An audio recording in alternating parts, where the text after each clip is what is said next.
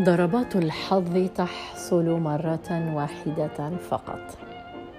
هناك أمور نفعلها نحصل عليها وبعد ذلك لا يمكن أن نكررها مرة أخرى.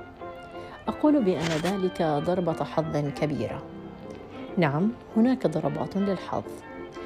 كنت في أحد البودكاستات السابقة قلت بأن الحظ يأتي لمن هو جاهز. وأكرر ذلك ولكن أحيانا وجودك في مكان معين في وقت معين من أجل أمر معين يمهد بأن ضربة حظ آتية لا محالة.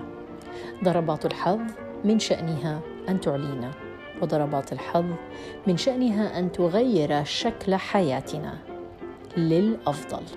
تذكر دائما أن ضربة الحظ من شأنها أن تغير الكثير ولكن الحفاظ على هذا التغيير يبقى بيدك أنت وحدك.